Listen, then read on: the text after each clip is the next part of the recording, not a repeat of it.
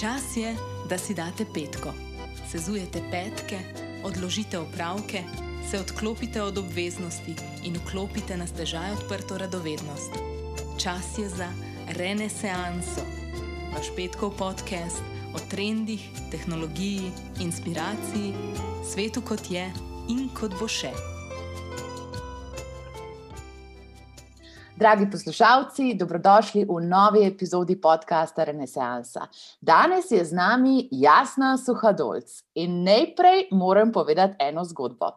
Jasna nas posluša že kar dolgo časa, je ena izmed najbolj prijaznih ljudi na marketinški sceni v Sloveniji in mi dve sva se pet mesecev menile za to snemanje. Tako da zdaj je december, končno je z nami Jasna. Jasna, dobrodošla. Hvala, hvala, Maja. Hvala za vabilo. Um, ja, ne, ne, da ne bi tako izgledali, da sem tako hard to get, ampak uh, ja, najprej so se nekaj časa menili. Uh, Pol je bila pa ena super serija uh, podjetnikov in podjetnic. Sem vesela, da sem zdaj prišla na vrsto in sem vesela, da sem gostja na podkastu. In mi še bolj, zaradi tega, ker nas posluša kar nekaj tržnikov in podjetnikov, ki se ukvarjajo z B2B sceno. In ti si vrhunska strokovnjakinja v mednarodnem merilu na tem področju. Naredila si tudi nekaj, kar v Sloveniji pravzaprav ni uspel še nobenemu. Spostavlja si partnerstvo z samorogi Silicijeve doline, se pravi z Driptom, HubSpotom in ta tretji tenov je pa za video. Kaj je že res? Vidjati. Vidjart, super. Vidjart. Ok. Uh, ne, ful, ful, ful, ful, fantastična partnerstva in res se te spomnim, ker te že dolg časa spremljam, ne vem, tako enih pet let, uh, že od teh časov, ko si ti bila pri nas prva, ki ste učili na temo inbound marketinga in CRM-jev in e-mail marketinga, potem si začela s conversational marketingom, ker se v slovenščini verjetno prevaja klepetalnimi roboti. Ne vem, kako se to prevaja, jasna. Pogovorni. Pogovorni roboti, ok, niso klepetalni roboti. V redu. V redu. Klepetalni roboti, ampak uh, mi smo se odločili, da, bo to, da bodo pogovorni. Ja, ja, ja, ja, ja boljš, boljš, da se kaj naredi. Namen pogovora je, da se na koncu nekaj zmeniš. Ajde, in namen današnjega snemanja pa je, da mi ne pomagamo poslušalcem in poslušalkam razumeti te nove trende na področju B2B marketinga, vsebinskega marketinga, video marketinga. In res smo veseli, da te imamo, pač tako mi moramo, moramo, moramo se v Sloveniji pogovarjati o teh zadevah, ker je 70% gospodarstva vezano na te industrije in to so vsekakor zelo uporabne zadeve, vsaj to kot e-commerce, če ne še boljš. Kljub temu, da so uporabne, pa se mnogim ljudem ne zdijo tako zelo seksi, kot v resnici so. Um, inovativnost, pa B2B trženje, vse vsi vemo, načeloma v enih podjetjih še vedno mislijo, da je marketing oddelek, ki ima napisana vrata in organizira božička. Tako da, kako pa ti doživljaš v bistvu to B2B sceno v Sloveniji, pa v regiji, pa kako te je to sploh začelo zanimati pravzaprav? Ja, zdaj v bistvu tako. Eh, jaz sem začela um, zelo dolgo nazaj, uh, pri 25 letih, takoj po faksu, sem šla na svoje. Uh, in to mi je takrat uh, omogočilo podjetje, katerim imela, uh, pri katerem sem imela štipendijo, takrat je bil to GFK, oziroma še prej Grand oh, wow. Marketing. Ja, in je, uh, to je bil moj prvi naročnik, in mene je blazno zanimalo v bistvu komuniciranje in nekako presek komuniciranja in tehnologije. In uh, takrat, sem, mislim, takrat sem odprla SP, uh, kar je bilo zelo nenavadno. Vsi so mi govorili, kako sem pogumna. Jaz sem prav spomnila se tega, kako sem večkrat pomislila, da se to ni nič tazga, tako v smislu, what am I missing? Ne? No, ampak, v glavnem, takrat je bil to moj prvi naročnik in to je bilo sigurno bistveno lažje uh, na tak način začeti. In nisem bila usmerjena v B2B, in v, resnici aktualno je tudi danes, pač delamo oboje, B2B in B2C. Ne? Mogoče smo v povprečju, da smo um, agencija, ki nekoliko več se posveča B2B-ju. Um, kot recimo povprečna agencija, ampak sicer delamo oboje. In mogoče mi je B2B bil zanimiv ravno zaradi tega, ker praviš, da um, v marsikaterem podjetju pač še ni toliko zelo razvit marketing. In tako nekako se mi je zdelo, da res lahko narediš zelo velik, zelo velike skoke. Je pa res, da pogosto, ko začnemo z naročniki delati, da so še zelo na začetku. Mogoče, da se zdaj to spremenja v zadnjih nekaj letih, ko smo dobili kar nekaj naročnikov, tudi nekatere mednarodne, ki so v bistvu že uporabljali HubSpot, ne, ker običajno pač potrebujejo HubSpot kot orodje, ne seveda lahko to z drugimi delaš, ampak pač mi s HubSpotom. In um, da so recimo Mičkan že bolj uh, napredni v smislu, da so že določene stvari že izvajali, poskušali neke kampanje, mogoče sami delati in podobno. Ne. Uh, sicer je pa še vedno pogosto tako, jaz se spomnim na uh, Društvo za marketing Slovenije, smo imeli ne vem koliko časa nazaj, mogoče pol leta, leto, ja, verjetno več kot leto. To leto je malo nenavadno, pa se je to malo zmešalo. Um, se spomnim, ko je um, ko je ena uh, gospa, gospodična, razlagala, kako je prišla delati zdaj v B2B uh, marketing uh, nekega B2B podjetja in uh, da v bistvu se mora še vedno dokazovati, da je sama uh, založila denar oziroma plačala ne, v bistvu LinkedIn kampanjo, zato da je dokazala šefu, ne vem, je to bil tudi lasnik, da to res deluje. Ne? Ker se mi zdel, wow, uh, tako pač za njo, ne? res uh, dobra, pogumna poteza, ampak hkrati pa na nek način tudi zelo žalostno, no? da v bistvu, uh, si na poziciji uh, marketingaša v podjetju, pa v bistvu nimaš uh, nobene uh, odločevalske moči. Um, je pa to še kar pogosta praksa. No? Da, ja, nekaj se moraš. Ja da moraš upravičiti svoj obstoj na nek način, zato ker tradicionalno, zdaj se bomo pa pogovarjali malo, na kateri strani zgodovine smo. Se pravi, ti si, mislim, na začetku karijere že imela takšen nos za trende in kako se bo stvar razvijala. In pač si ena izmed prvih v Sloveniji, ki te nove stvari v industriji, ki se govori v Ameriki, potem aplicirate tukaj lokalno, na lokalne trge. Glih zdaj ste imeli account-based marketing uh, webinar, zanimivo, LinkedIn je imel tudi prejšnji teden, tako da jaz včasih pošalim, da kakšna stvar pri nas pride s triletno zamudo, ampak le zahvaljujoč tebi je očitno to prišlo po enem tednu, nam, če se malo pohecava. Ampak ja, um, zdaj le leto, tole leto je bilo pa verjetno tudi za vaše delo, za vašo agencijo ena ogromna, ogromna, ogromna preizkušnja, pa v prvi vrsti tudi priložnost. Ko vsi ostali, ki so prej hodili na kosila in na viskije, sklepati posel, so kar naenkrat mogli zelo zljubiti internet in videoklice. Kako ste jim pomagali? V bistvu je bilo tako, da eh, kar se tiče obstoječih naročnikov, smo jih že navadili, že prej na uh, uporabo Zuma, takrat, ko nam je to bilo še všeč, da je malo manj. Uh, tako da v bistvu je bila ta, ta prehod je bil zelo, zelo preprost, tudi kar se tiče recimo samega dela ne, z njimi. Uh, Začel se je tako, ker smo imeli kar precej tujih naročnikov, da v bistvu, ne, sem mogoče enkrat na leto videla naročnika, če sem šla k njim ali pa smo se nekajšne konference videli ali pa kakšni so tudi k nam prišli sploh tako iz, iz bližnjih držav. Um, no, in v bistvu smo potem ugotovili, da je to res uh, taka optimizacija časa, da zakaj ne bi to naredili tudi za naročnike, tudi v Ljubljani, ne? ker smo mi uh, vem, v centru, v pisarni, ker na mest dve uri porabimo pol ure za, za te neke redne mitinge. Ne? Tako da, kar se tiče samega procesa, dela, da je šlo vse zelo um, z lahkoto. Ne. Mi imamo srečo, da smo že tako, vse ta je že tak, celotna ekipa, pač, vse, kar so vzeli, je še ta dodatni monitor, mogoče domov, nekateri, sicer smo bili pa že takoj v akciji. Uh, smo pa v bistvu za naročnike delali stvari, ki so pravzaprav zelo podobne od tega, kar smo do zdaj delali. Um, v bistvu smo, ne vem, podarek na mailingih, na webinarjih, na online aktivnostih, to je v bistvu ostalo zelo podobno. Ne? Tukaj se ni zelo veliko spremenil. Mogoče bi samo eno stvar podarila, da um, letos smo res tudi s tem partnershipom z Vidjardom in uh, mi smo v bistvu celo poletje šli skozi eno certifikacijo, um, smo v bistvu zelo veliko delali na video prodaji. Ne?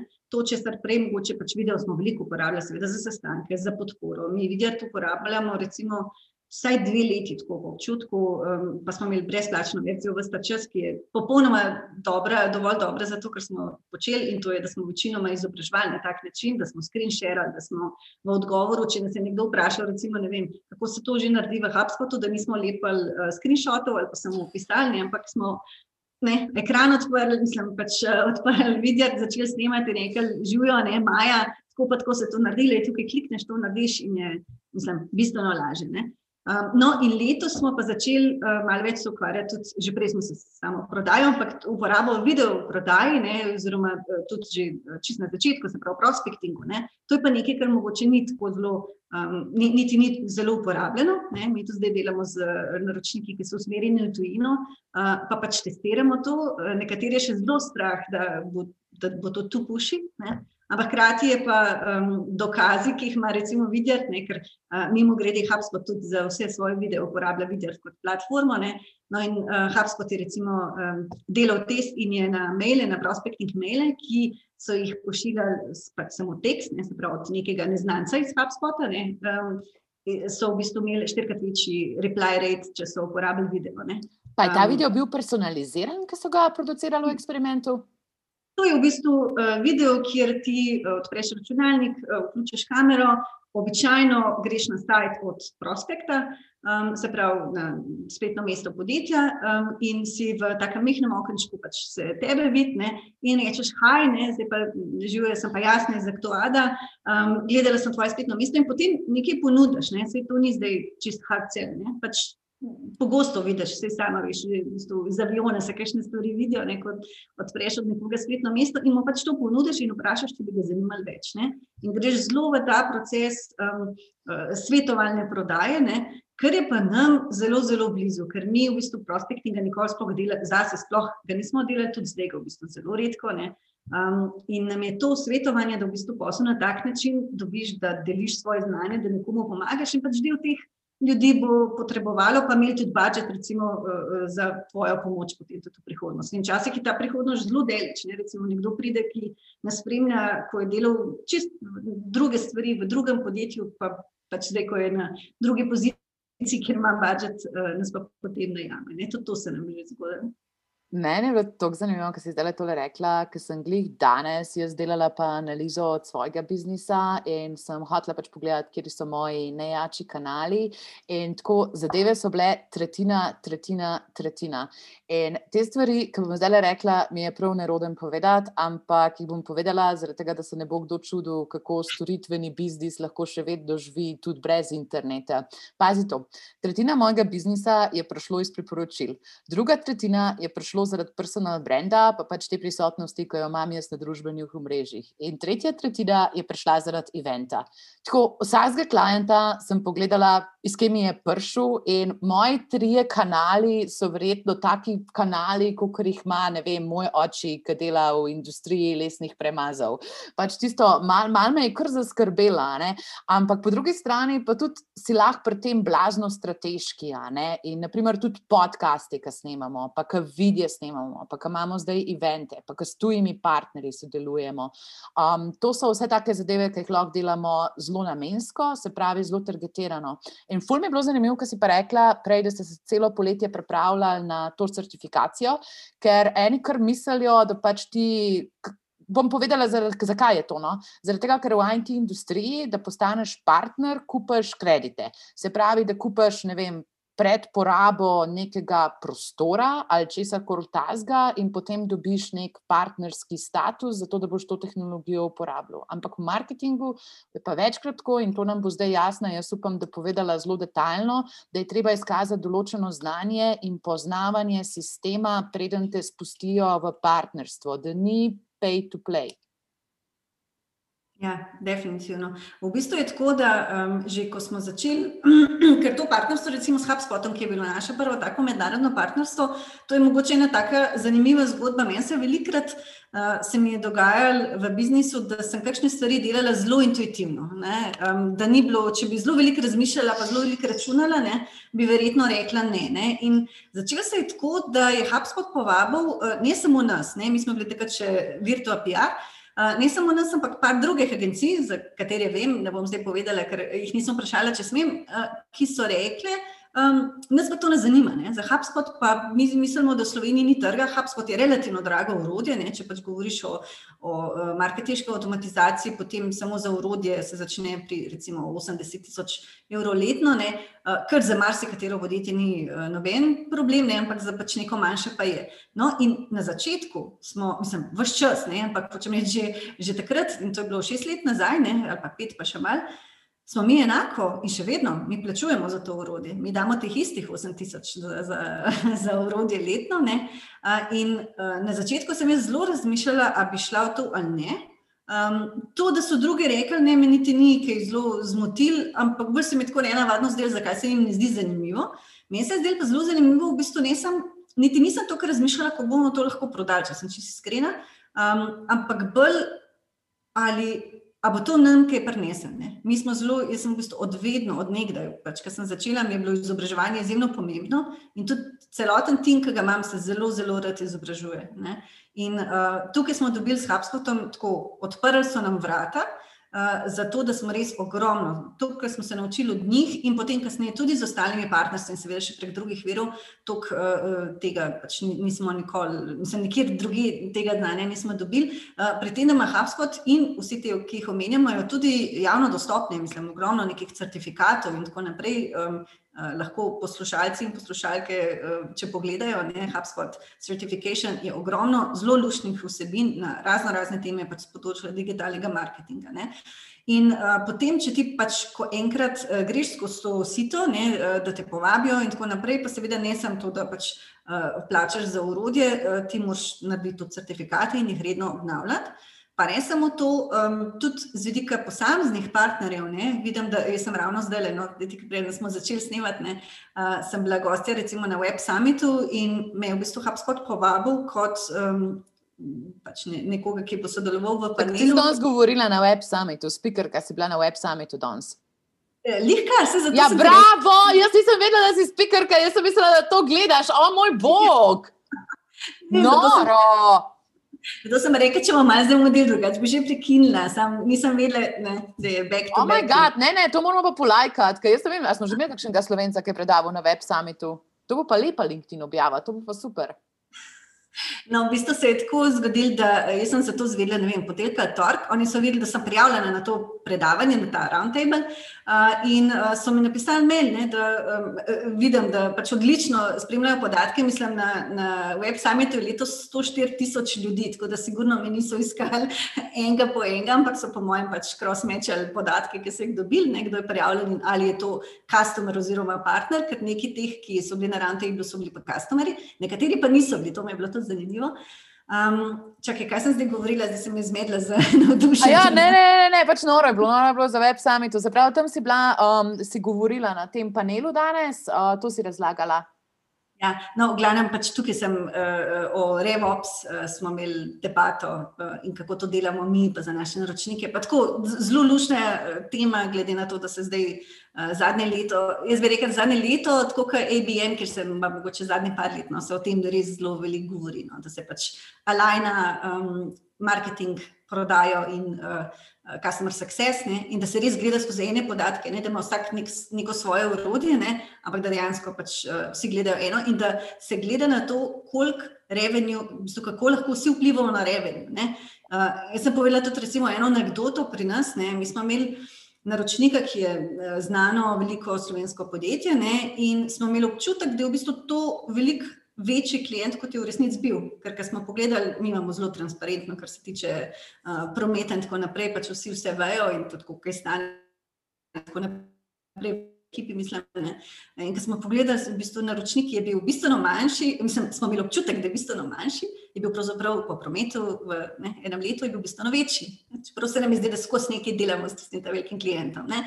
V bistvu je šlo pa samo zato, da smo bili zelo uh, available, zelo veliko smo se ne, odzivali, delali in tako naprej, ampak zares pa pač profitable pa nismo bili tako. No. Tako da tudi mi se s tem ukvarjamo, kako biti kako biti malo bolj, uh, da ostaneš pač seveda prijazen in ne, ta uh, go the extra mile in tako naprej, ki je zna, za nas značilno, pa hkrati pa da. Uh, Da tistim, ki uh, jim ponudiš prst, pozamejo roko, da pa to znaš reči.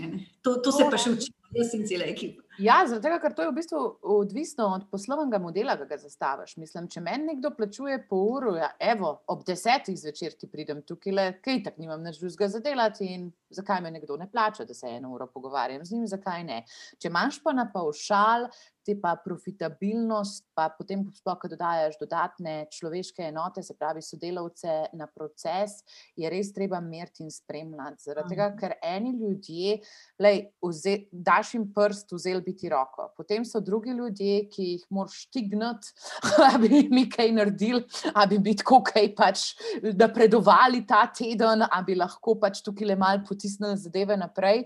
In ja, imeti ta pregled, mislim, to uporabo ur po akantih, pa kdo dela kje, pa kakšna je pol profitabilnost na klienta, je si zdaj le vsaj konc leta fantastično, v resnici dol potegnen, zaradi tega, ker tako boš lažje razumel svoj ICP, se reče temu, se pravi Ideal Customer Profile, po slovensk no persona oziroma arhetip svoje tačne osebe. Ti bi rad imel take stranke, ki so tu profitabilne zate. In pol je pa še ena stvar, ki ti bi pa eksplicitno rada vprašala, zaradi tega, ker vem, da si ti zelo dobro v predaji. Mnogo naših poslušalcev, še poslušalk, bom rekla, kar in poslušalcev, um, ima blazno verzijo prodajati, postavljati cene, pač tega se bojijo. To jim ni naravno, to jim je eden izmed najtežjih delov posla. Um, kako tebi je verjetno to naravno? Vem, občutek imam, da ti je naravno, pa povej mi, če ti ni. In če ti je naravno, kako si druge ljudi naučila, če ti pa ni naravno, pa povej, kako si sama sebe pripeljala do tukaj, ki si. Ne, absolutno mi ni, zato se smejim, ker uh, ravno zadnjič mi je kolega, ki sicer tudi vodi agencijo, pa včasih, um, mislim, tako, deset let nazaj je eh, nekaj malega, um, nekaj malega časa delal pri nas, mi je rekel: Jasna, ti si ful dobro v prodaji. In mi je zanimivo, kako me v bistvu od zunaj tako vidijo. Ne? Jaz vedno govorim, kako je meni prodajati grozen. Je pa res, da mogoče zaradi tega, ker še vedno ne to uh, prodajo, tako asociraš z nekim puši in uh, pristopom in tako naprej. Uh, ker, ker jaz delam pri prodaji, ne, je pa malce sveda specifično, um, kakšno, kakšno podjetje smo, ne, da pač prodajamo storitve in da prodajamo v bistvu svoj know-how. Uh, je predvsem to, da veliko v bistvu svetujem. Ne, in to jaz sem od nekdaj, od študentskih let naprej, sem ogromno probono delala. Ne? Se pravi, v razno raznih združenjih sem bila, razno razne stvari sem participirala. V webinarju, recimo, sem začela delati zdaj ne vem, koliko let nazaj, ampak mogoče 5-6 let nazaj um, za IABC. To je bistvu prvo tako združenje, v katerem sem bila in sem še vedno članica in tudi tu nisem bila v bordih uh, Evropskem oziroma imi na bordu. Uh, in v bistvu smo se mi takrat odločili, da bomo delati webinarje in sem se jaz javila, zato ker me pač te stvari zanimajo in tako so vedeli, da sem uh, ta prava oseba za to, da, da bom to pač prek, mislim, danes vsi delamo webinarje, ampak je bilo pa to mogoče še tako dosti novo in sem se videla vse kot našo in tako naprej. Uh, in v bistvu na tak način, z full enega časa vloženega, um, sem prišla do te točke, da pač lahko na tak način v bistvu dobivamo inbound lide, še ko nisem vedela, kaj je to inbound marketing. Ali, ali jaz nisem vedela, ali pa se o tem še ni govorila, ampak v bistvu sem od nekdaj delala inbound in mi je to tudi zelo blizu in letos polet. Ne, sem bila jaz na m, dvomesečnem šolanju. Od HubSpota, ponudili so partnerjem, da gremo na tako imenovani Sales Bootcamp. Wow. Z enim fantastičnim človekom, ki imenu je Dan Tyre in on je šesti zaposleni v HubSpotu. Um, in uh, tako, gospod, malce 60, poln energije, kar poka od energije. In sem se prijavila v bistvu zato, zaradi tega, čeprav sem bila zelo out of my comfort zone, zato ker ravno tega dela, in mi smo se pa predvsem učili o prospektingu, pa prej res nisem delala. Sploh nisem delala. Mislim, včasih si misliš, kako to sploh šlo do zdaj, kako še nismo propadli, kako smo rastali, da uh, v bistvu. Praktično nisem tega delala. Jaz sem delala svoje stvari, primarno jaz, v resnici, ampak tudi ekipa je seveda zadnja, ampak jaz sem bila mogoče najbolj izpostavljena. Um, predavala brez plačno, pisala članke, ni da ni, no, skratka, blog postov naših in tako naprej, do um, celo gostujočih zadev, združenj in tako naprej. Uh, in na tak način, v bistvu, je um, vse sama to zelo dobro veš in odlično delaš, ne pač gradiš nek, nek brand, ne, nek osebni brand. Uh, in včasih je to potem uh, top of mind, ker pač nekdo razmišlja, koga rabimo za ne vem, marketing automation, ne, pa pač smo vsaj v igri. Ne. Uh, včasih je pa tako, da v bistvu že želijo delati s tabo in pač ne, želijo delati konkretno z, um, zdaj z ekipo, včasih je bilo pa to bolj na jasno, suhadol zvezan. Pa, pa sem zdaj zelo vesela, da sem tudi naročnik in jaz, da smo prišli do tega, da v bistvu je to ekipa. No, deleč, ja, od tega, ne, jaz pa tebi zato čestitam, zaradi tega, ker to je ena tranzicija, ki je meni osebno še ni uspela narediti. Um, in pač to, da pozicioniraš več kot osebno blagovno znamko, se pravi ekipo in pač tudi v ekipi, ki se včasih ljudi zamenjajo, da jedro držiš mos, močno, to je ena fantastična, fantastična, fantastična um, veščina. Bi pa vsaj probala, no, sam še mečken, mečken, mečken podrezati, zaradi tega, ker vem, da si ti oseba, ki nam boš to povedala. Se pravi, Predstavljaj si tako eno podjetnico, staro 25 let, ki mora zdaj nekaj prodati. Pa mogoče nima teh možnosti, da je članica združen, pa da jo HubSpot povabi.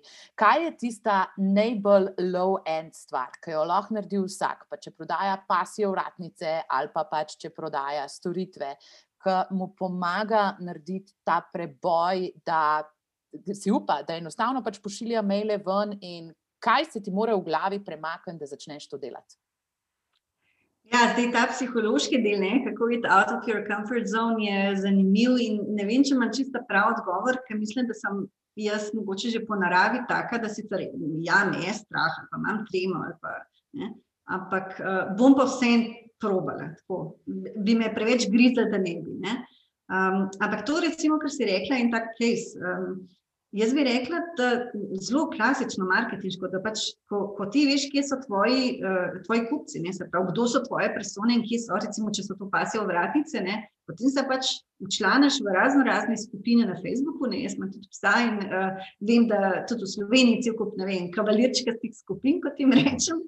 Um, in, in v bistvu tam odgovarjaš na vprašanje in tam v bistvu poskušaš pomagati, da dejansko si eh, ne da težiš svojimi artikli, ampak da v bistvu deliš svoje znanje, deliš svoje izkušnje, pač karkoli imaš zapovedati. Ker vedno gremo na to, da in to tudi večja podjetja pogosto nimajo urejeno, da v bistvu najprej ugotovimo, komu mi sploh želimo prodati, da ga poskušamo čim bolj spoznati in potem, kako mu mi lahko pomagamo. In to je na nek način zelo preprosta formula, jo je pa težko konsistentno izvajati, zato ker nam pogosto zmanjka, tudi meni pogosto zmanjka pač goriva. Ne, da, ja, pa tudi to... spremeni se, v času se spremeni in v resnici ni to problem, ki bi ga enkrat rešil.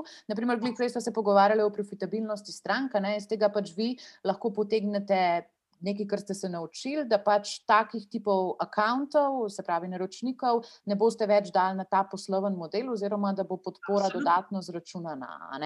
Tako da smo to dejansko naredili. Da, da v bistvu takem primeru, da pač je to um, consulting service, ne, um, ki ima svojo ceno, in pač nekateri še vedno to vzamejo, nekateri pa pač ne, ampak je ne, prostor za druge. Ne?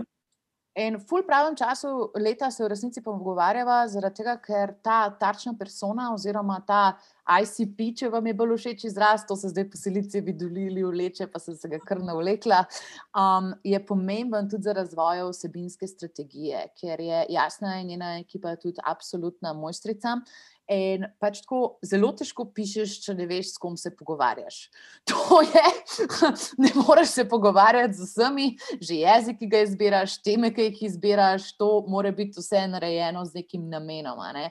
Um, in, na primer, predstavljam si zdaj, ti bom malo pohecala, vprosti, ki te bom malo pohecala. Sem B2B podjetje, ukvarjam se z ulivanjem plastike, pridem do tebe, rečem, jasna, mi bomo zdaj začeli pisati blog. Kakšen je resničen proces?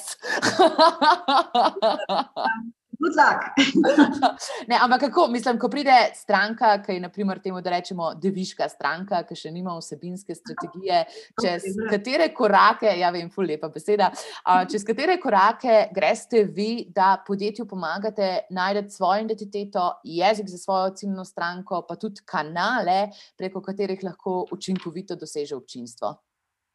Ja, v bistvu je ta proces um, kar praktično uh, zelo podoben. Vedno, ne, vedno se začne s tem, kaj pravzaprav želijo, kaj, kaj so njihovi cilji. Uh, kdo je ICP? ICP, recimo, mi bolj gledamo kot podjetje, ne, da sploh v B2B, ne, imaš ti v bistvu podjetje, ki je pač to ne, nekaj deal customer in potem znotraj tega imaš običajno persone, ki imajo svoje vloge. Ne, ravno o tem sem zdaj v EBM govorila. Ne, Um, in ne, nekdo je, recimo, tudi nam se to zgodi, ne, nekdo je uh, fulno navdušen nad nami, bi rad z nami delal, ampak ni zares odločevalec, ne, nima budžeta, ne, mora prepričati svojega šefa. Ne. In informacije, ki jih damo njemu, in informacije, ki jih damo šefu, so um, lahko, mislim, vsebina, ne, ki jo dajemo, so v bistvu različne, ker jih različne stvari zanimajo. Ne. Tako da, uh, če bi k takem podjetju prišla ne, za olivanje plastike in bi rekla, da bojo blog začeli pisati, ali pa ga že imamo, ne, bi seveda hotela videti manj podatke. Um, pa pa poleg tega, da pač vidimo. Nimamo podatkov. Un, ki je pet let nazaj analitiko inštaliral, je šel iz firme, nimamo dostopa. Kaj ne zdaj naredimo, ker nimamo zares več tega? Ja, um, to mi zdi. Ampak. Da odločimo in z njimi naredimo workshop in to praktično, mislim, to je pa res praktično vedno. Razen, če podjetje, recimo ravno zdaj z enim podjetjem uh, pač se pogovarjamo o sodelovanju, pa že imajo prstune, ne, to se zdaj pač vse več dogaja, da um, so podjetja že ničkaj, ne, par korakov naprej, ker je super, pač te prstune pogledamo, pa pa povemo, kaj vse manjka v tem primeru, ne. Ja. Uh, včasih nič ne manjka, ampak zdaj konkretno. Ampak pač. tudi, kar rečeva persone, jaz vedno opozarjam, da je to dinamičen koncept. Jaz se spomnim iz svojega posla, jaz sem mislila, da je moj primaren odločevalec v teh storitvah, ki jaz prodajam, da je to HR služba oziroma nek digitalni marketing. O, kako sem se motila. Jaz najlepše prodajam vodjem inovacijskih centrov in vodjem digitala v podjetju. Jaz pač, moja persona pač čist druga je, kot sem si na začetku predstavljala, da bo. In Mhm. pač tako meni je včasih čuden, ko pač pogledam, jaz pač tako delam v marketingu, ampak še več delam v tehnologiji. In pač tako 90% teh mojih klientov je moškega spola. Tako da, če bi jaz šla tisto, raziskujmo tipičnega marketinškega odločevalca, jaz bi si naredila, ma po moje, pol leta overheada na svojem biznisu s tem, da bi pisala vsebine za napačne persone. Tako da klele mi je ful všeč, ko si opozorila, da je treba te zadeve tudi meriti, pa sproti spremljati, ker včasih ti ne prime, enostavno ne prime ti, nisi spravilno spomnil na začetku. Ja, ja, ne, to se je nam je že velikokrat zgodilo. v Bistvu, um, zakaj se to, to zgodi? Zaradi tega, ker baziramo, mislim, ali pa podjetja, s katerimi delamo, recimo, bazirajo na uh, nekih teh anekdotal data, ne, ker niso Ja. ja. Zdi se jim, da je to nekdo. Ne? Sej, na tak način tudi mi v resnici smo svoje persone določili. Pač Zdi se nam, da je, mi imamo recimo marketing Majo, ki je šifica marketinga, ne sem se žensko, da se vidi za persono. In potem uh, imamo digitalnega klemna, ki je pa v bistvu mlajši, uh, veliko bolj spreten v digitalu in on rabi vsebino, kot so razni tips in triks, kako ne vem, uh, deduplicira kontakte v HubSpotu. Medtem ko ona rabi veliko bolj strateško vsebino, jo bolj zanima ROI in pač strategije, kako postavljati in tako naprej. Ne. Tako da um, pri naročnikih smo pa, tukaj niti nismo kaj zelo spremenjali, smo pa pri naročnikih pogosto, kadar so bili ti podatki, na katerih smo bazirali, da ni bila to zares neka raziskava ali pa pač nek hard data, smo pogosto potem uh, spremenjali, ker tudi vse to, kar delamo, je zelo dinamično ne, in uh, ko enkrat postavimo recimo ne neko vsebino v HubSpot in uh, workflow in tako naprej, pač včasih se ne odzivajo na to vsebino ne, in potem pač obstaja več razlogov, zakaj ne. In poskušamo ugotoviti, včasih pač vidimo, da imamo napačno persono. Ne, da ko dlje časa delamo z naročnikom, tudi že mi lahko ugotovimo, da mogoče to ni čist res. Ne, se kaj pa tisti, ko ste zadnjič rekli, to pa to, pa v bistvu začnemo potem malo uh, spreminjati ne, in gremo še en krog. Recimo, ne. In zaradi tega je klele ful dobro, da je res dolgoročno partnerstvo, oziroma da spremljaš podjetje na nek srednji rok. Zaradi tega, ker brainstormanje je honeymoon, pač ono je prijetno, vsi so super, vsi participirajo ideje, pač to je eno romantično doživetje. Izvedba pa ni vedno romantična, potem, ko pa dobiš kakšne rezultate nazaj, ki jih ne pričakuješ, si pa že skoraj na robu ločitve.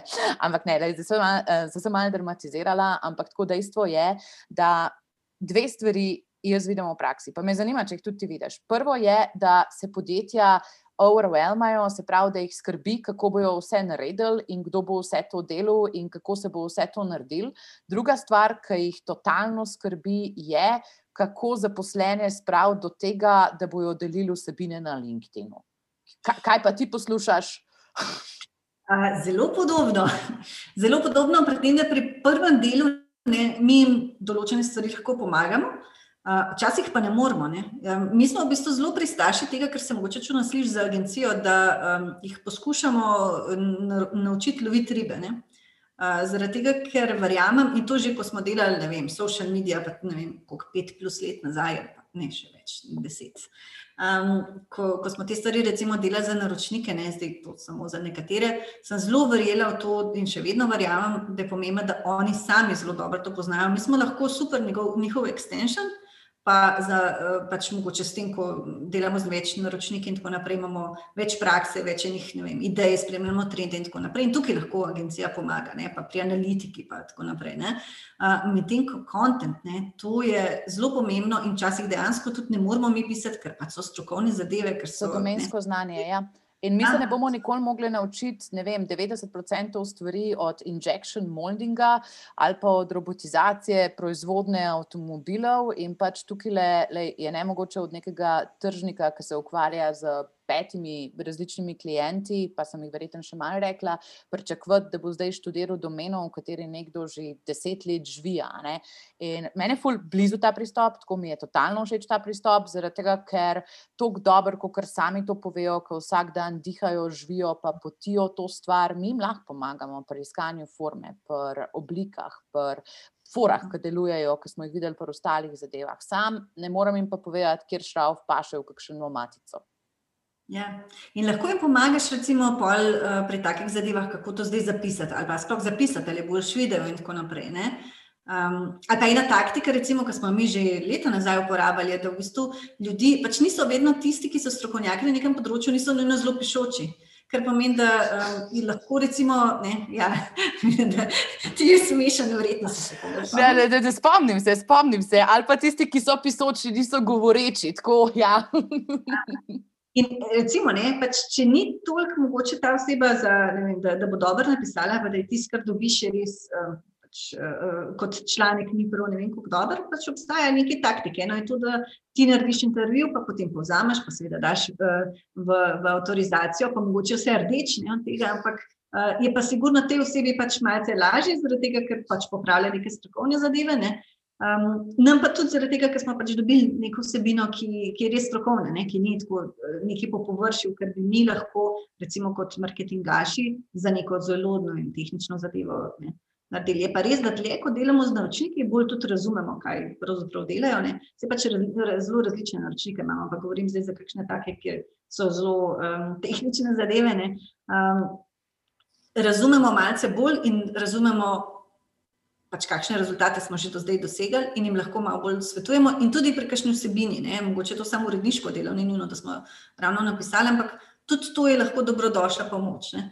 Eh, včasih smo pa, recimo, vem, posneli intervju, da je v bistvu vprašanje odgovor, vprašanje odgovor. Ne? To v bistvu strokovnjak, ne? če ga ti, svoje naloge je potem, da ga lepo peleš, ne? da v bistvu, ker ti veš, kakšno zgodbo želiš povedati.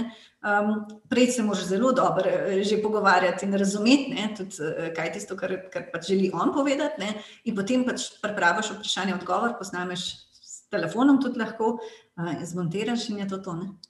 In tole je najbolj genialna stvar, kar v resnici lahko narediš, zaradi tega, ker ti en govori eno uro, iz tega dobiš pač osem materi strani materijala in ne vem, kolikrat lahko to razrežeš v social media poste. In to je pač en super vsebinski segment, iz katerega lahko deset dodatnih razrežeš. Tako da jaz take zgodbe govorim vsem tistim podjetjem, ki se pretužujejo, nimamo cajta to delati in jim povem, da jaz pač cel svoj kontent naredim v eni uri na teden. Potem se sicer še malo zafrkavam, pa se v komentarjih pogovarjam z ljudmi, ampak tisto, da se napišejo one male tekste za na LinkedIn, pa res ni noben problem.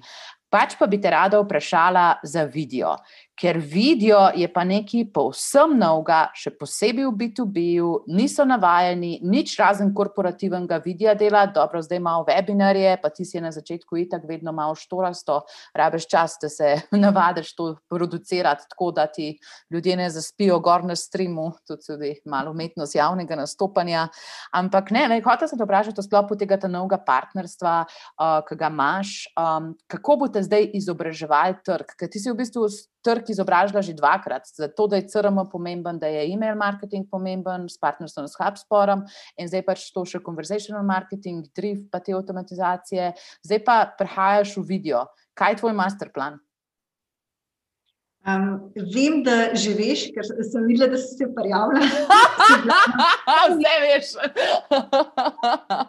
Imamo integracijo s lekom in nisem prišlo.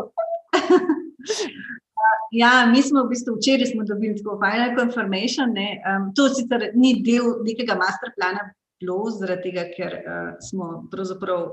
Da je to sploh možnost, sem ugotovila v začetku tedna, nekaj podeljka, danes je pa petek. Wow. Um, da uh, pač kot partnerju videli, da ne, uh, so nam ponudili, da lahko naš gost na uh, kakšnem webinarju ali kaj takega, da je lahko tudi uh, Taler Lesart, ki je uh, njihov VP of marketing. Ne?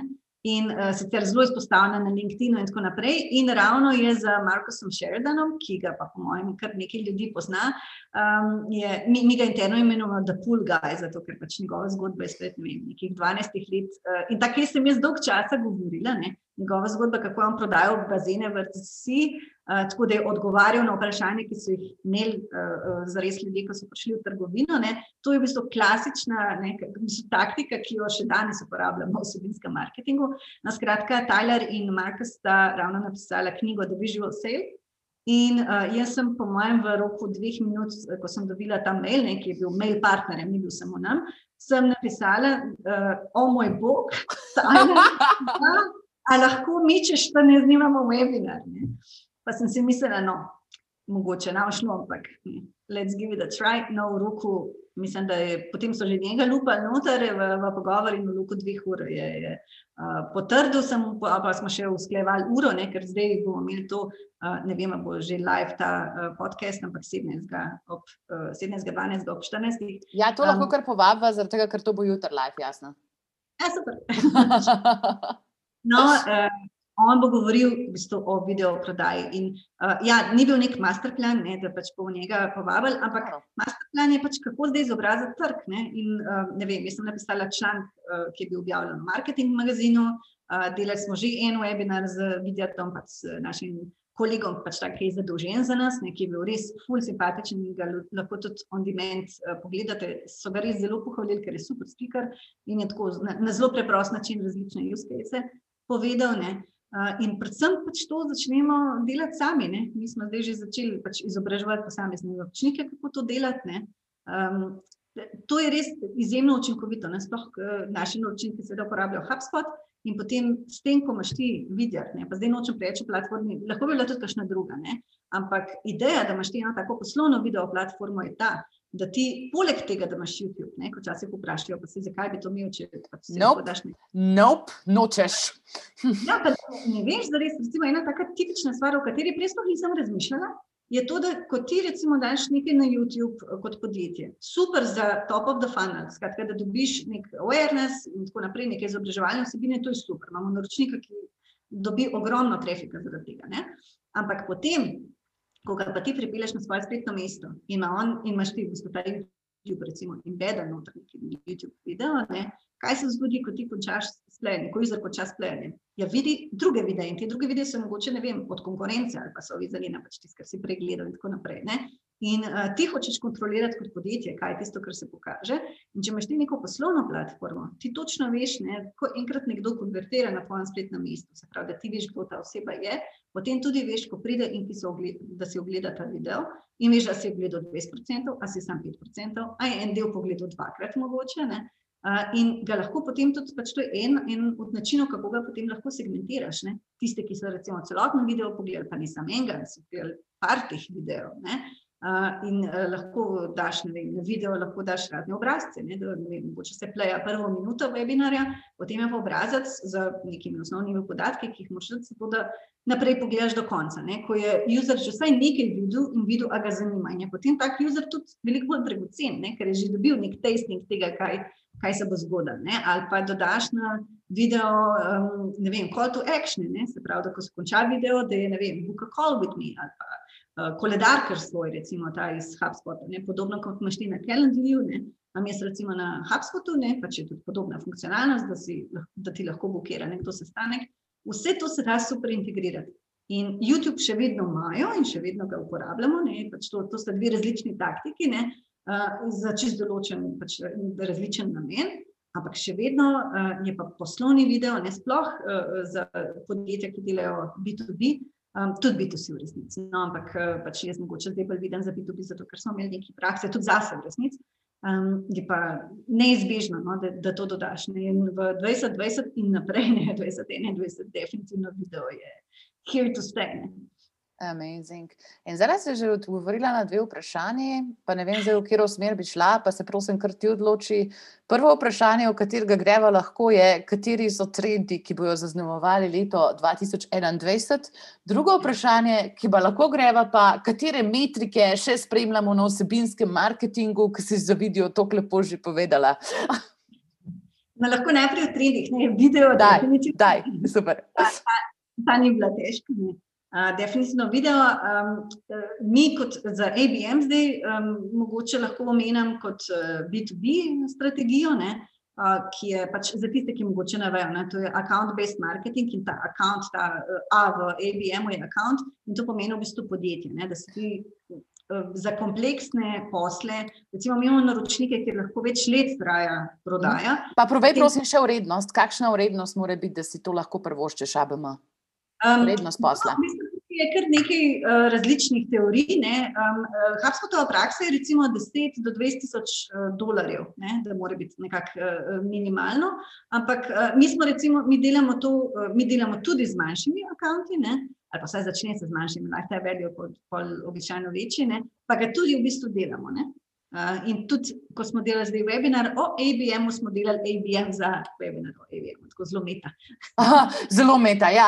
Ne, sam pač kaj hočem tukaj vzpostaviti, je, da ABM pač ponavadi, a ne, cena ur, človeške ure je v Sloveniji nekaj, v Ameriki drugo, ampak pač je neka cena. In pač tukaj se mi zdi, da moraš začeti malo ločevati med svojimi lijaki oziroma nakupno potru. Se pravi, pocen storitve tako ne moreš prodajati posebno. Pač ne bo šlo enostavno predrago je zaradi ure dela, ker si ne moreš takšnega stroška akvizicije prenesti. In tukaj moraš digitalne kanale razvijati. Medtem, ko potem, ko pride do mal večjih urednosti, pa daljših nakupnih procesov, kot je Ful dobro jasno povedala, um, se pa lahko pogovarjamo o ABM-ju. In mene je sam pač strah, veš, da ljudje pač ful preveč skočijo na te termine, brez tega, da razumejo, koga ja, je ja. kaj. Absolutno. Ne, sej, um, mi drugače podarjamo, da je tu pač nekaj ja. kompleksne visoko vrednostjo. In jaz sem to, ne, uh, tudi takrat, kadar je uh, zelo pogost case, da je veliko odločevalcev. Ne, da, uh mhm. -huh. To je omenjeno, da z nekom se pogovarjaš, nekdo drug je pa uh, zares budget holder, potem je pa mogoče še en tretji, ki je pa blokar, ne, zato ker pač ne vem. Recimo, če neko urodje prodajaš, že imajo neko drugo urodje in on hoče pa zunaj. Kaj že res bil tisti persona digitala, je bil Klemen? Ja. Unka pol teži, če se vsega ne sme dobiti v informacijski sistem. ne, klemen so pri nas, um, klemen, uh, ta naš klemen ne, je v bistvu bolj uh, naš čempion. A, on je kul, cool, on bi avtomatiziral. Ja, pa hoče, ja, pa hoče šefe prepričati, da investirajo v to, ampak zares ni, um, ni, ni odločevalec. In v bistvu njega je treba njemu je nekaj treba opolnomočiti, kot je lepa slovenska beseda, ne, kako bo zdaj on to prodal interno naprej. Ne. To mogoče malo podobno kot na uh, konferencah, ti si zihar to že videla, kot ni popularno, ne, da imaš one pager for the boss. Ne, uh -huh. daš pač, da, why would I go to that conference? Ne. to je, to je uh, tako, na, na podoben način. No. Sam, ne, sam ABM je seksi in jaz se ful veselim tudi pač izobraževati na tem področju. Um, edina stvar, ki me malo skrbi pri tranziciji njega v Slovenijo, je, da bomo pač enostavno prepocen servise prodajali čez account-based marketing in pol neprofitabilne posle ustvarjali zaradi tega. No. Mislim, da pač ja, se lepo sliši personalizacija na ravni računa, ampak neki rabiš pa v poslu, kot ga imamo mi, se pravi, v storitvenem poslu, tudi skalabilnosti oziroma ponovljivosti, zato da ti ni treba vsake stvari na novo izumiti. Tako da, le, jaz sem prepričana, ker jaz se spomnim tebe iz webinarjev, ti fantastično odgovarjaš na vprašanja. In pač res imaš veliko znanja in nikoli pač ni nobena panika te karkoli vprašati. Mislim, tudi ta nepopularna vprašanja, tako da jaz sem zihar, da boš ti to super navigirala. Sam ja, bo pa treba trg izobraziti, kot smo jih mogli izobraziti na to, jim, da ne morajo AB testirati, če imajo na strani 50 ljudi na teden. Ja, absolutno. Ne, sej, uh, ni tako, da v bistvu karkoli vidimo v tujini, pa to, da se da vedno prenašati na slovenski trg. Je pa res, da mi ne delamo samo s slovenskimi podjetji. Um, pa tudi to, da v bistvu tiste podjetja, s katerimi delamo v Sloveniji, so ponovadi usmerjene v tujino. Ne vsa, ne, ampak večina pa kar je to nekako naš običajen target audience. Uh, in je potem tudi um, običajno gre za večje stvari, ne, večje posle. A bo še tretji trend povedali? Zdaj so povedali video, pa ABM. Na ABM-ju sem jaz imela mal, uh, sem mal začela težiti. Oprosti, če je bila zabata naporna, ampak sam pač, ker vem, da imamo ogromen mladih poslušalcev, uh, sam želim, da se določene pojme razjasnimo. Ajde, kaj pa je tretji trend? Um, Ne vem, če lahko rečem za 2021, ker smo to že uporabljali in to zelo dobro, ne, um, um, chatboti. Ne, Chatboti so uh, lahko izjemno koristni, mi smo pa seveda predvsem te poslovne uporabljali, ne se pravi Drift in tudi zdaj od letos v bistvu smo začeli pa tudi HubSpotovga. Namreč um, HubSpot je imel na začetku tudi nek, nek, pač nekega bota, ampak zares je bil zelo, zelo limited. Ne? Ko smo mi delali z Driftovim, smo vedeli, kaj vse se da In smo v bistvu potem naročnike um, poskušali rajš prepričati za drift, zato da smo lahko pač delali fajn kampanje in da smo potem tudi, tudi mi ga imamo na spletnem mestu, lahko ga malo potestirate. Čeprav tudi mi zdaj prihajamo na HubSpotov, zaradi tega, ker ga hočemo še bolj testirati in uh, konkretno zdaj imamo HubSpotov na landing pageu, ki je za prijavo za ta video, uh, uh, pač vidjardov, um, za vidjardov webinar. Medtem ko na ostalih stranih imamo še vedno driftov, tako da imamo tudi mi zdaj smo v fazi testiranja. Uh, no, um, pač na splošno, če boti so lahko, mogoče se sliši bolj tako kot en hec, kot smo včasih razlagali za social medije, ne, tako mal, to, to greš malo se pohecati gor, ampak v bistvu so lahko zelo, zelo powerful. Ne. Mi imamo rezultate, recimo, da smo, um, mislim, naročniki, ne, sej, uh, brez naročnika nikoli ne gre, ne, zato tudi ta izobraževanje je zelo pomemben, uh, ampak da smo s pomočjo bota, da je v bistvu naročnik prodal avto, kar se mogoče sliši bolj smešno, ampak ga je, ne, uh, ker um, Naša naloga je predvsem, da dobro razumemo naročnika, da dobro razumemo persone, potem pripravimo nek scenarij, pripravimo, ko je enkrat potrjeno, da je tudi v redu wording, da je v redu ne, ton komunikacije, da, da je v najkonca, ne, se pravi avatarček, da je v redu in tako naprej. No in potem izobrazimo naročnika, kako s tem upravljati, zato ker zelo redko je samo chatbot. Chatbot je v bistvu 24-7 pomoč, ampak potem gre pa tudi na osebno komunikacijo, ne, kar pomeni, da bot lahko preusmeri na uh, svetovalca, prodajnika, kako koli mu rečemo, agenta.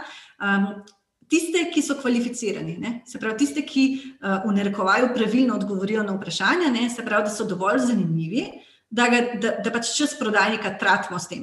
Ja, to, to, to, to, to, to, to, to, to, to. In sva spet pri tem, kar so se prej pogovarjali, človeški čas stane. In človeški čas bi rad tam investiral, ker boš imel največji return on investment. In zdaj le, mislim, sploh, a veš, ful smešen primer, ampak mi smo zdaj izbirali novo steklo keramično in nismo mogli dobiti nobenega iz Big Banga, da bi šel z nami na klic. Jaz sem bila tako že bal, shut up and take my money. Ampak ja, če smo ful iskali, kako bi mi nekega svetovalca dubali, da bi tam malo tako pokazali po kuhinji, kva bi bilo za izbrati. In le ni šlo, pač ni šlo. In tole je v resnici, kar razlagaš, je ful dobro za vsa podjetja, ki so mogli zdaj zapreti fizične poslovalnice, ki mi moramo neke konverzacije na splet spraviti v neki taki obliki, ki nam pa ne bo cele firme zadušila, da bomo vsi cele dneve odgovarjali na čete. ja. Eh, to je bila tudi eh, tema, to, kar se zdaj omenja, pač samo um, avtomatizacijo in da ne, da ne tratimo ča, pač človeškega časa. Ne. Je bilo zdaj ravno na Web Summitu pred dvemi dnevi, sem poslušala Kaj Folija. Um, za tiste, ki morda ne vejo, on je uh, sicer strokovnjak za umetno inteligenco in tudi avtor knjige, ki je bila tudi v slovenščino prevedena in jo zelo uh, priporočam. Mislim, da je v slovenščini prevod uh, Vele sili umetne inteligence. Um, in on je govoril ravno o tem, da pač ga pogosto sprašujejo v smislu, o moj bog, umetna inteligenca, bomo vsi brez služb in tako naprej, ne, kaj zdaj ta AI. Ne. Uh, in uh, že tako, ki je že v knjigi, pa na svojem TED-u, pa tako pojasnil, ne, da v bistvu Umetna inteligenca nam pomaga, ne? pomaga ne vem, zdravnikom lažje diagnosticirati, pomaga um, cepiva, zdravila in tako naprej. Lažje, uh, pač, uh, pomaga v bistvu znanstvenikom, da lažje pridejo do nekih rezultatov. Ne? Je pač manj zmotljiva, je lahko uh, nam je pri tem pomoč in recimo konkretno tudi ta urodja, ki jih mi uporabljamo in v HubSpotu in v uh, Driftu, recimo, pač so tudi elementi AI, ki nam pomagajo in pač ne vem, lead scoring delajo, pa uh, sugerirajo uh, nove akonte pri account-based marketingu in tako naprej. Ne. Tako da um, umetno inteligenco bi lahko kot nek tak splošni trend, se o tem govorimo že leta, ampak tudi omenila tudi za, za B2B marketing trend, definitivno. Ne. To je zelo dobro. Pa tako čisto domač povedan, za tiste, ki pač ste še na faksu in na začetku poti, uh, ti hočeš v trženju in v prodaji dati sredstva, se pravi sredstva ali denar ali človeške ure, tja, kjer bo najbolj verjetno rezultat. In tole, ki je zdaj jasna, ful dobro razložila, je bilo to, da ti umetna inteligenca oziroma podatki pomagajo identificirati stranko, ki je najverjetneje najbolj dovzetna na tvojo ponudbo, kot kar na oglasih, veš, tisto, kar klikamo. Tam nas znajo že tudi zelo dobro zadeti z umetno inteligenco. Videti, kaj bo z oglasi čez dve leti. Uh, ko... in zaradi tega se mi ti všeč, ker že zbiraš maile in delaš vsebinski marketing, ker tole je še ena stvar v porastu. Dej, prosim, prosim, prosim, sam še to povej, ker sem ta teden ugotovila, da veliko ljudi tega še ne ve. 2022. Aha, ja, eh, pač Google in Apple policy in uh, tudi najverjetneje bo ostali velikani sledili. Ne? Uh, pač ne bo več šeril um, trpati kukijev, kar pomeni, da to recimo, ki vas zdaj, uh, ki vam sledijo na vsakem koraku, ne, tako imenovani retargeting, greš na spletno mesto in potem ti te oglase sledijo in skačajo iz aplikacij uh, spletnih mest in podobno, ne, uh, pač se več ne, ne bo mogel dogajati. Ne. Zato bomo marketingaši, prodajniki, bomo pač omejeni s tem, da svoje vsebine, ne, kakovostne vsebine uh, pripravljamo v resnici to že zdaj delamo, ne? samo potem pa več ne bo izbire. In tako kot tisti, ki. Recimo, tudi naši naročniki, ki so bili dovolj zgodni, tudi pri webinarjih in podobnih aktivnostih, ne, um, vse sliko, prej vsi pridejo do tega. Včasih je fino, če si first mover. Ne. Ja, in jasno, ti si bila že velikrat prst buber, ti si očitno imaš to tendenco, da si na pravi strani zgodovine. Iz video prodajo, webinari, zdaj še te lead gen, kako bo 2022, vam ne bo nič hudega, vi boste dober. Ajde, zdaj pa sem še na osebno, na osebno stvar, ko pač nočemo full vrtati, ko kar želiš se odpri. Ampak, ali bi bila pripravljena povedati, kje so pa taki trije cilji, ki jih imaš bolj osebno um, postavljene za naslednjo leto? Se pravi, ne samo aktualno bo naredil 5 milijonov, ampak uh, kje so pa tvoji osebni cilji? En zelo pomemben je vezan na uh, work smarter, not harder. Uh, to, mislim, jaz, vedno, jaz zelo rada delam, ne mogoče moram to najprej povedati, zato ker veliko tega, kar delam, uh, je bolj igra in uh, učenje in tako naprej. Je pa res, ne, da včasih, ko je tega preveč, ne, včasih rečem, da mi pač ur zmanjka, ali pa seveda so tudi kakšni deli posla, ki mi tudi malo niso všeč. Ne. A računovodstvo, naprimer, pa pravne zadeve. Računovodstvo mi je popolnoma odveč, ampak hvala Bogu, imamo res odlično računovodstvo in računovodkino, ki nam pri tem pomaga, ker je res tako podaljšana roke, kot smo mi za v bistvu svoje naročnike in je fantastična in bom poslala ta podcast, da ji bom uh, povedala, da sem še javno povedala to, ker je res super. Um, ampak ja, ta work, uh, work smarter se mi zdi zelo pomemben v smislu, da uh, to sem začela v bistvu v zadnje par let nazaj delati, da sem več predajala ekipi. Uh, to je meni zelo težko um, in tudi mislim, da sem bila pogosto zelo zoprna šefica, ker sem pač precej zahtevna, ker hočem, da so stvari dobro narejene. Ne. Učim se zdaj, da ni nujno, da so narejene po moje. Ne. To mi, mi pogosto, mislim, zdaj mislim, da mi gre boljš. No. Bom tudi ekipi poslala podcast, pa bo ekipa povedala, če je res, ampak včasih mi to res ni šlo. No. Uh, sem bila zelo tako set in my news. Um, in to, da delim te uh, zadeve, ne skratka, da lahko mi ekipa pomaga, to so že zdaj, zdaj res fantastična ekipa in se to uh, zelo pozna. Uh, ampak hkrati ta smarter je vezan tudi na to, da, um, da v bistvu kakšnim klientom rečem ne. To sem letos parkrat naredila, pa ni mogoče letos za, za, za rečne. Ampak je odličen film. Uh, to learning to say no, to, to recimo tudi vse to velike slišimo, ampak to je bila ena od stvari, ki smo se na sales bootcampu uh, učili, ne? pa so nas učili prodajati. Ne? Ampak ni, ni dober fit. Um, in v bistvu smo se veliko s tem ukvarjali. Ali je to podjetje dobro fit, ali jaz hočem delati za njega? Ja, pa po eni kilometrini tako naprej, veš, po 15 minutah vidiš, kdo je težaven. Tako pač čutiš, pač veš. Ja. Ja. In meni intuicija blazno dobro dela, sem ne poslušam jo vedno. Ne?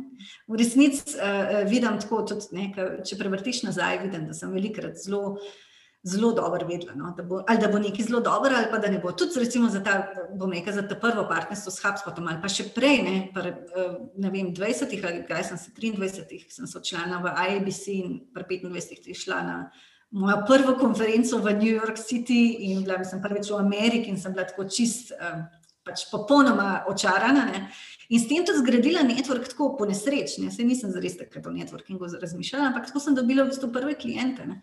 In ta network potem tudi ohranjala naprej. No, ampak zdaj sem malo zašla. eh, Ampak je bilo veliko- super, zaradi tega, ker za vse poslušalce na začetku kariere in oprosti, ker že petič že to, ampak res imamo veliko, um, so to informacije, ki jih lahko aplicirajo tukaj in zdaj. In jaz sem v bistvu full vesela, da delaš te pivote. Dobri so, res so dobri. Uh, odločila sem se pa še eno stvar za naslednje leto, ki bo pa kar tako out of my comfort zone v smislu časa. Jaz sicer zelo veliko berem ne? in knjig, in, in pač člankov, in tako naprej, in poslušam podcaste. In ni da ni skratka ta konzumacija, Pridna, zelo veliko. si pridna, ja.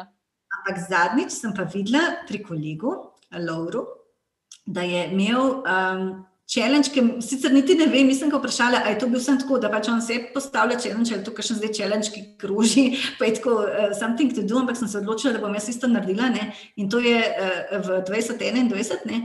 52 weeks, 52 books.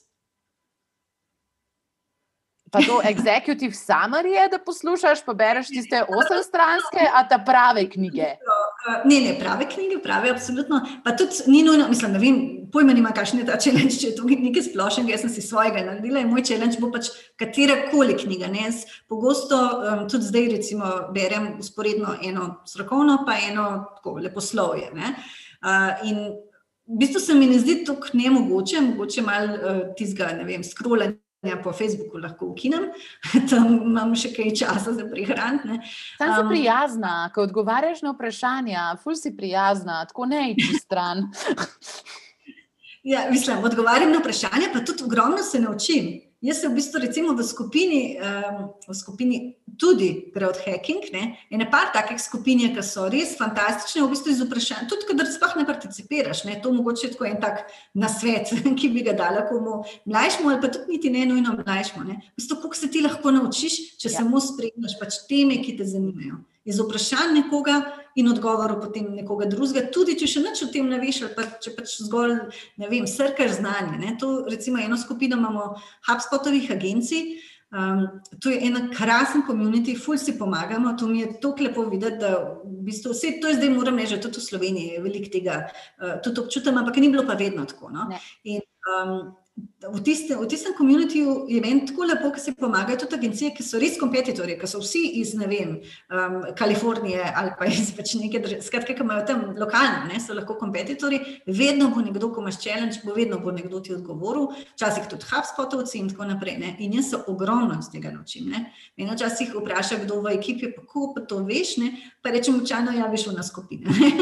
Um, res, uh, ne, in to je seveda, pač to scrollanje je kaj uporabnika, ne, veliko je pa tudi treparij, tako da uh, te treparije bom nekako probala zmanjšati, če mi bo uspelo. Ne, absolutno ti bo sigurno uspelo. Pa sem še ena stvar, na katero še v bistvu še nisem sidrala, ampak bi se, zaradi tega, ker mi je bila zelo taka poučna in zelo dober izziv. Izziv za vse tiste, ki bi koga povabili, pa si ga ne upajo, kako si zaprla ta svoj zadnji webinar. Pač tako napisala si, pa kaj pol, pač v redu je, lahko me zignorira, lahko mi ne, če ne. Pa kaj Ja. pol, mislim, vse je v redu. In zdaj imaš tega vrhunskega gosta, pač tako tazga, ki si želi, mislim, verjeten, ker si organizirate velike konference, se par mesecev vnaprej meniš s takimi speakerji, da ti potrdijo termin. Tako da le je noro. In včasih moraš pa sam. Ne bom rekla vesolju povedati, kaj si želiš, ampak ja, pač probaš, probaš in pač pol pošlješ še pač dva maila potem, če ti ne uspe iz prve. In klele se mi pa zdi, no, da res razmišljaš uh, zelo pogumno, da razmišljaš globalno usmerjeno in pač inovativno. In ja, jaz bi sam še več takih, pač to je noro, tako delamo spremembo, pa premik naprej, da ne bomo. Tri leta za svetom, ampak en teden za svetom. Ta bi bila tako metafora podcasta. Eh, Ta teden ne verjetno uh, veš, uh, da je Salesforce kupil Slack. Ja, In uh, se spomnim, ko je, um, spomnim se tega intervjuja, ki ga je Robert Scoble delal, ker sem ga enkrat že videla, ampak zdaj ga je objavil še enkrat. In uh, sem ga šla poslušati, tako sem ga imela za background, medtem ko sem delala druge stvari. Ne? Uh, in pol še v enem drugem članku, v glavnem, ker hočem povedati, da so lastnike, mislim, founderja, um, Sleka, so, mislim, da osemkrat zavrnili. Osemkrat so ga visi zavrnili, preden mu je razen. Pa teh zgodb je ogromno. Ne? In mislim, jaz ne vem, jaz sicer sem tako pač, ne, se, se potrudim, da um, nekako ne vem, kako bi rekla, da grem out of my comfort zone, skratka, da vse naredim neki, ne, pač kaj, kaj lahko najbolj se lahko zgodi, da pač dobiš ne. ne. In ga tudi kdaj dobiš. In pač so what. Ne. Ampak če pa, če pa ne bi se probal, ne, včasih bo pa ja. Ne. Ampak ne vem pa, če bi pa um, prodajal, mislim, če bi pa osem visijo mi rekel ne, pa ne vem, če bi uh, bila tako strajna. Tako da, um, absolutno tudi šola za me, jaz sem to pol svojemu, uh, jaz imam 14-letnega sina in sem mu tudi wow. to povedala, da se mi je zdel tak res dober mesec, ne, da ne, on je verjetno že pri drugem ali pa tretjem bi lahko mislil tako, ok, zgleda pol ne, te visi pa ja, vladajo, to vse čas delajo, zgleda pol ni nad tem produktom, ne, to ni tako dobro. Look at them now, ne, 27 milijard. Ne, noro. In to je včasih pač tisto, veš, razlika med fail fast and learn, se pravi, na kateri točki ti obupaš, na kateri točki spustiš zadevo iz rok. Ker včasih pač, lej, ne bom rekla, svet te ne razume, ker to se kaj ena snežinka sliši, ampak imaš eno vizijo, ki je enostavno pred časom in pač delaš stvari, ki jih morda ne znaš pravilno skomunicirati, ker to se velikrat naredi pri tehnoloških produktih, lahko trg še ni pripraven za njih, a pa rabiš enega tazga enablera na trgu, neki tazga tako močen, kot je zdaj ta COVID, pač to je bilo največji enhancer za videokonference in za video marketing in za te zadeve. Tako da, ja, pač včasih tako, da ne pržiš puške v korizo, v prvi v veri, je fantastično. No?